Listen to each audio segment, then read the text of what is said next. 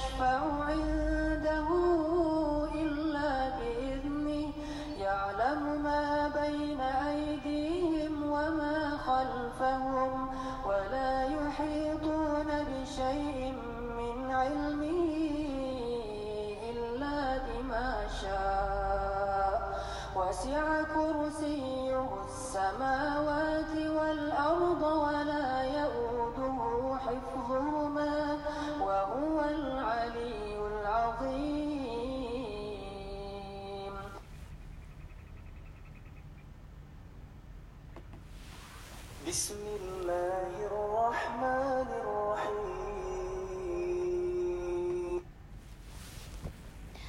Assalamualaikum warahmatullahi wabarakatuh. Alhamdulillahirabbil alamin wassalatu wassalamu alal asrofil anbiya'i wal mursalin wa ala alihi wa ashabihi wasallim Auzubillahi minasyaitonir rajim Bismillahirrahmanirrahim.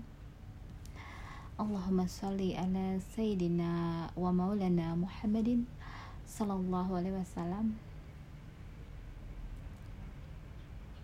Pendengar podcast yang dirahmati oleh Allah.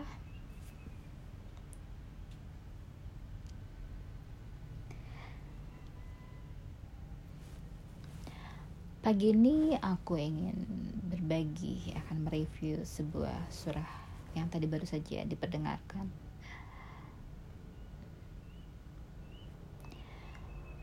Jadi keingintahuan tentang surah Yasin ini ada beberapa kesamaan. Jadi di surah Yasin ini sebanyak 17 kali nama Allah disebutkan.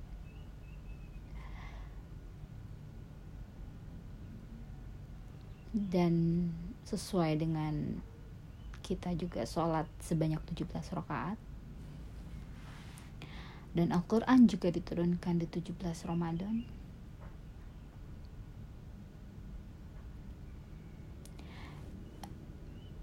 ini yang membuat sebuah makna dalam yang menjadi perenungan.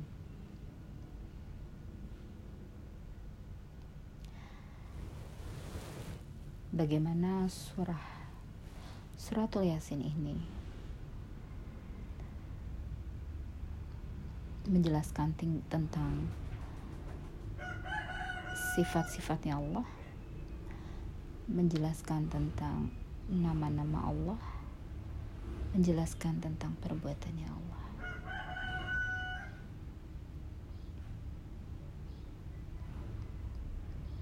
surah ini diturunkan dari bawahnya arsnya Allah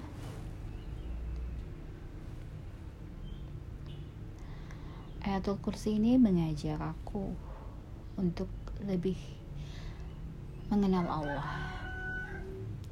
Karena sesuai dengan hakikat hidup kita, kita harus mengenal siapa yang menciptakan kita.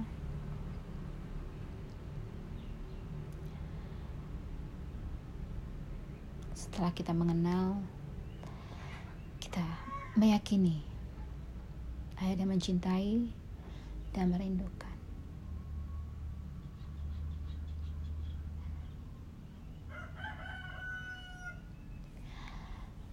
Bahwa semua apa pun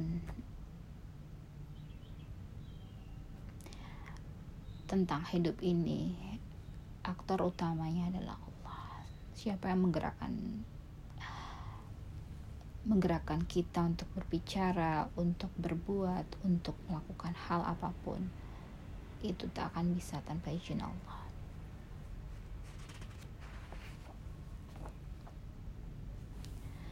Dalam ayatul kursi ini juga ada sebuah nama yang begitu agung bila diucapkan yaitu ya hayu ya qayyum. Tentang yang maha hidup dan yang maha mengurus makhluknya secara terus menerus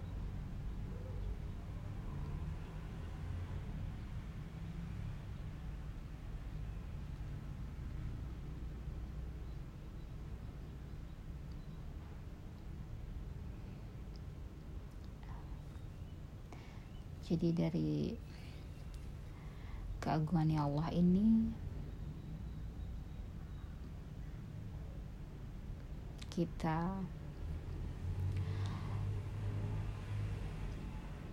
mendapatkan sebuah hakikat kehidupan di dunia dan di akhirat. Ya, sebagaimana kita harus mengenal Allah, meyakini, mencintai, dan merindukan.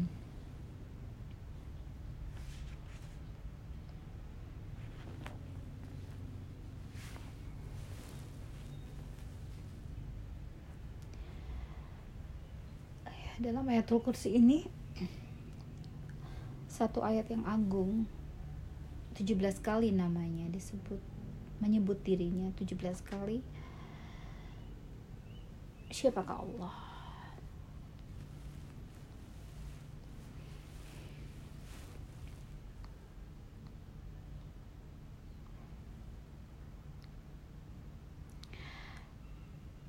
Jadi terdapat percakapan antara Rasulullah Shallallahu Alaihi Wasallam Nabi Muhammad SAW bertanya kepada sahabat, Wahai Ubay,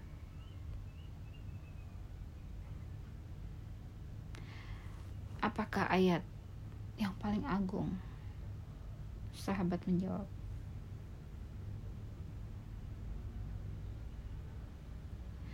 Ayatul Kursi.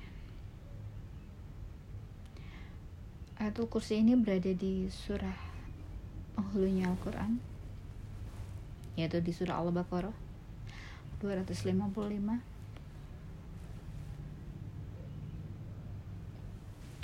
Jadi dalam ayatul kursi ini juga sebagai penyelesaian masalah juga melindungi kita dari gangguan-gangguan. Jadi kalau kita mengetahui kandungan atau mengetahui isi dari ini dan melupakan suatu ayat yang mengagungkan Allah.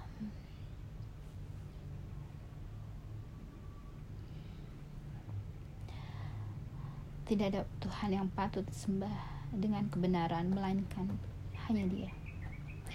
Yang hidup kekal dan mengurus makhluknya secara terus-menerus. Milik Allah lah yang ada di langit dan di bumi. Tak ada siapa pun yang memberi pertolongan tanpa seizinnya. Allah mengetahui apa-apa yang ada di hadapan mereka dan apa-apa yang ada di belakang kita. Dan tidaklah mereka menguasai apa-apa dari ilmunya Allah kecuali apa-apa apa-apa yang Allah kehendaki. Kalau Allah menghendaki, maka kita dapat menguasainya.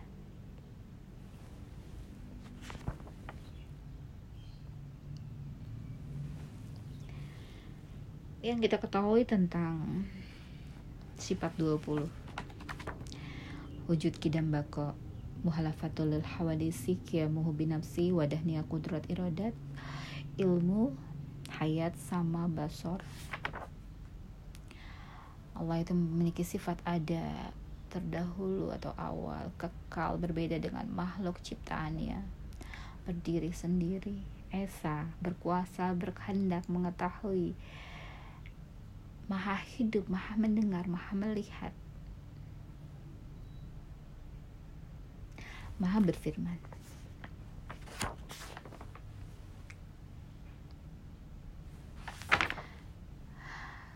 Perbuatannya Allah. Tanpa seizin Allah. Kita tidak akan mungkin diberikan rasa kantuk. Itu Allah yang memberikan. Allah yang memberi kita untuk kita bisa tidur.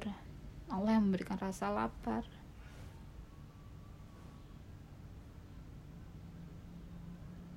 Semuanya adalah perannya Allah.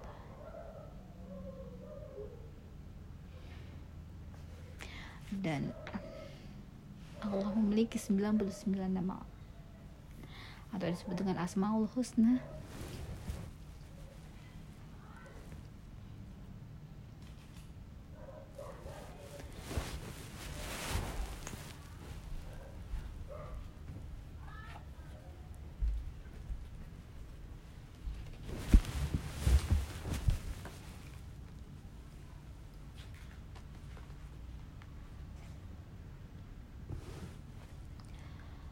Allah yang maha menjaga Allah yang maha penghisap Allah yang maha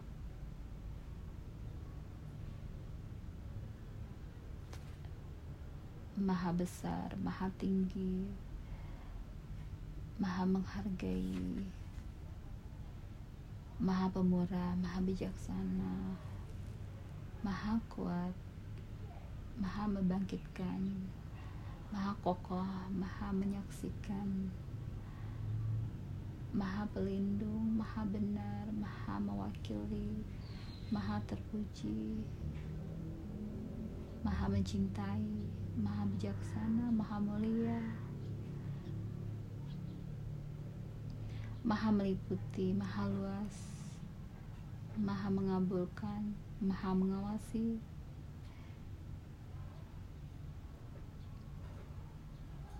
maha luhur, maha memelihara, maha mengetahui, maha besar, maha penyantun, Maha Agung, Maha Pengampun, Maha Lembut, Maha Adil, Maha menetapkan hukum, Maha memuliakan, Maha menghinakan, Maha mendengar, Maha merendahkan, Maha melapangkan, Maha meninggikan, Maha melihat, Maha memberi putusan, Maha mengetahui, Maha menyempitkan, Maha pemberi, Maha penakluk, Maha pengampun, Maha pencipta, Maha mengadakan, Maha pemaksa, Maha perkasa, pemilik segala keagungan, Maha sejahtera, pemberi kedamaian, Maha pengasih, Maha penyayang, Maha penjaga keimanan untuk memberi keamanan, Maha memelihara, Maha suci,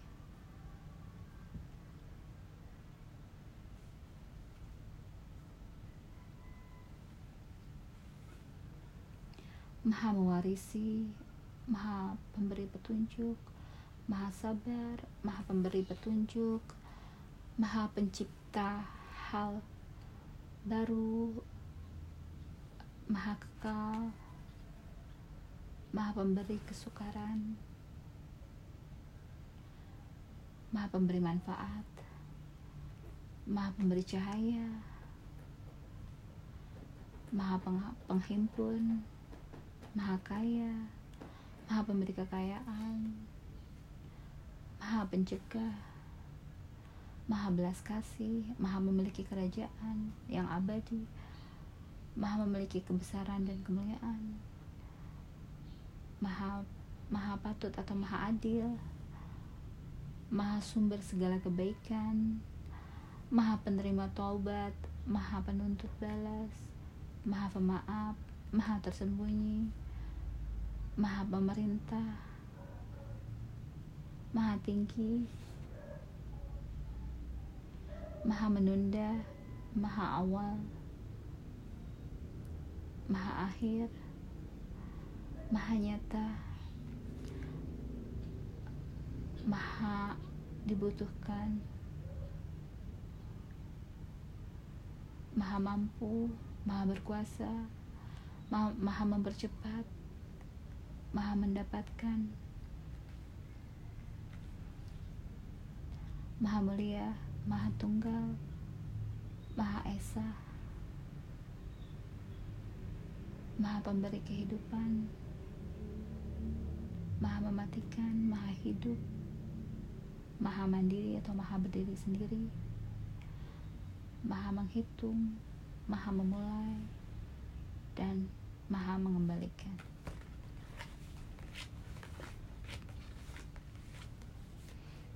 Ya, semoga kita diberikan pemahaman untuk lebih mengenal pencipta kita Allah Subhanahu wa taala. Memahami apa yang dikatakannya. Memahami apa yang diinginkannya. Kita menerima segala kehendaknya menerima segala ketentuannya. Bersyukur bersabar, istiqomah di jalannya. Semoga kita semua mendapati itu semua. Sehingga kita menjadi orang yang berserah diri kepada Allah. Menerima segala ketentuannya dan merasa cukup atas yang Allah beri. Amin amin ya rabbal alamin. Assalamualaikum warahmatullahi wabarakatuh.